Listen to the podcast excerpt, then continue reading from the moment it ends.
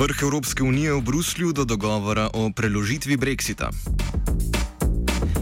Donald Trump bi priznal suverenost Izraela nad okupirano Golansko planoto v Siriji.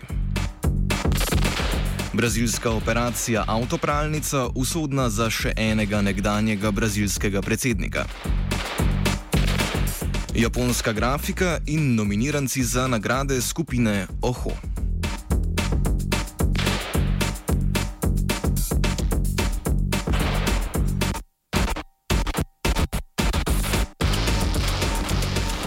Dober dan.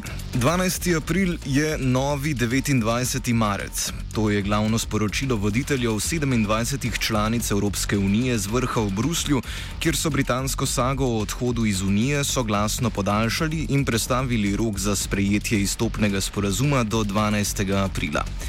Ukolikor bo do tega datuma sporazum potrjen v britanskem parlamentu, bo do dokončnega brexita prišlo 22. maja, dan pred evropskimi volitvami. Ukolikor sporazum britanski poslanci ponovno zavrnejo, pa Združeno kraljestvo čaka odločitev med dvema možnostima: organizirati evropske volitve in s tem sprožiti možnost daljše preložitve brexita ali tako imenovani brexit brez dogovora. Vlada premijejke Theresa May lahko sicer do 12. aprila ponudi tudi alternativen predlog za izstop, a takšnega načrta in s tem izhoda iz slepe ulice zaenkrat ni na vidiku.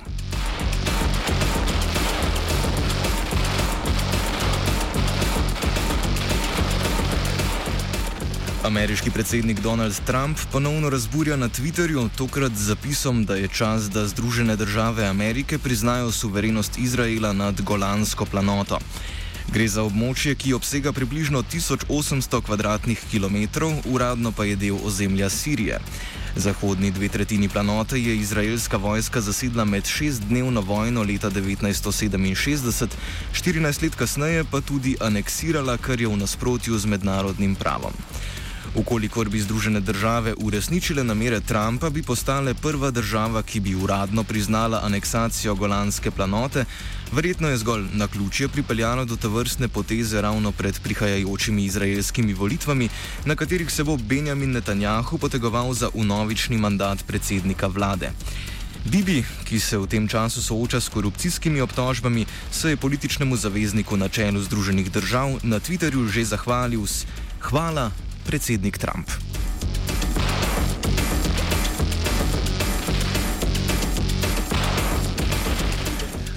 Ameriško finančno ministrstvo je sporočilo, da Združene države uvajajo sankcije proti kitajskim ladjarskim podjetjem Dalian Heibo in Liao Ningdan Xing. Dalian Heibo je pod drobnogled prišel zaradi poslovanja s podjetjem Pekong s sedežem v Pjongjangu. Liaoning Dašing pa naj bi severnokorejskim uradnikom v Evropski uniji omogočal upravljanje in kupovanje blaga za potrebe severnokorejske delovske stranke.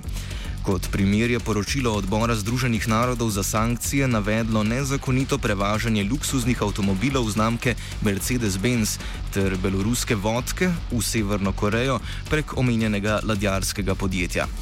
Podjetje naj bi tako Severni Koreji pomagale zaobiti sankcije, ki so v veljavi zaradi severnokorejskega jedrskega programa.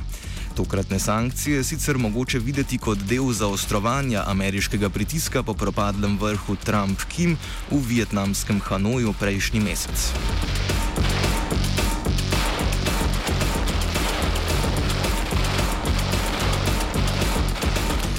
Besede in dejanja zaostruje tudi severnokorejski voditelj Kim Jong-un, ki je sprejel odločitev o umiku osebja z urada za zveze z Južno Korejo.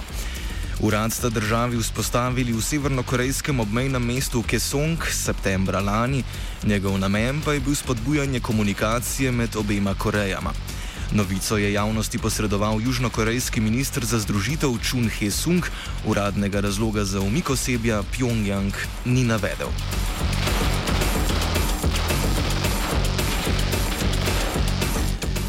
Mišel Temer je postal še tretji nekdani brazilski predsednik zapored, ki je bil kazansko ovaden zaradi obtožb v sklopu protikorupcijske preiskave, tako imenovane operacije Avtopralnica. Temerja bremenijo obtožbe sprejemanja podkupnin, med drugim za projekt gradnje jedrske elektrarne v Angri do Srejsu. Avtopralnica je bila usodna tudi za Luisa Inacija Lulo da Silvo in Dilmo Rousseff, ki jo je Temer nasledil. Korupcijska afera je odločilno vplivala na potek in rezultat brazilskih volitev, na katerih je na to slavil domnevno neoporečni in očitno za naloge predsednika države bolj primeren kandidat, skrajni desničar Jair Bolsonaro.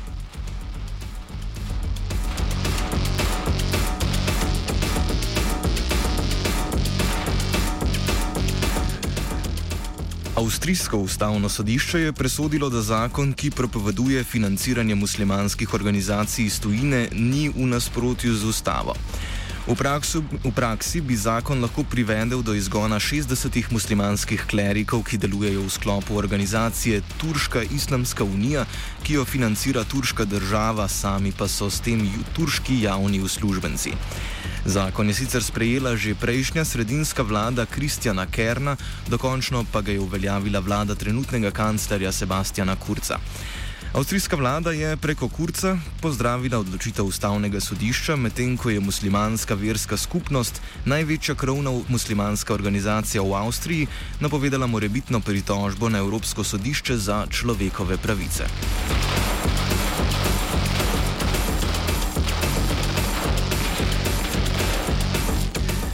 Za izgon se je odločilo tudi Mariborsko sodišče v primeru 26-letnega eritrejskega begunca Muse Adhoma, ki je bil avgusta lani po incidentu pred integracijsko hišo v Mariboru obtožen poskusa uboja rojaka Cegaja Binjama.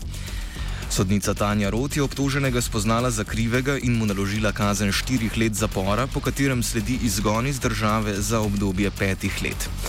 Kazen po besedah sodnice ne pomeni tudi izgona v Eritrejo. Antfom, ki je v državo prišel iz Italije, naj bi imel možnost iti v katero drugo evropsko državo.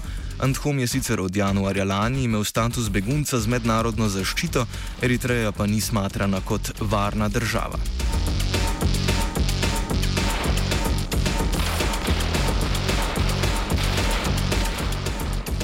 Predsednik opozicijske SDS Janez Janša je na Twitterju napovedal, da bodo v stranki sprožili ustavno presojo rebalansa letošnjega proračuna, ki je bil dokončno potrjen v sredo.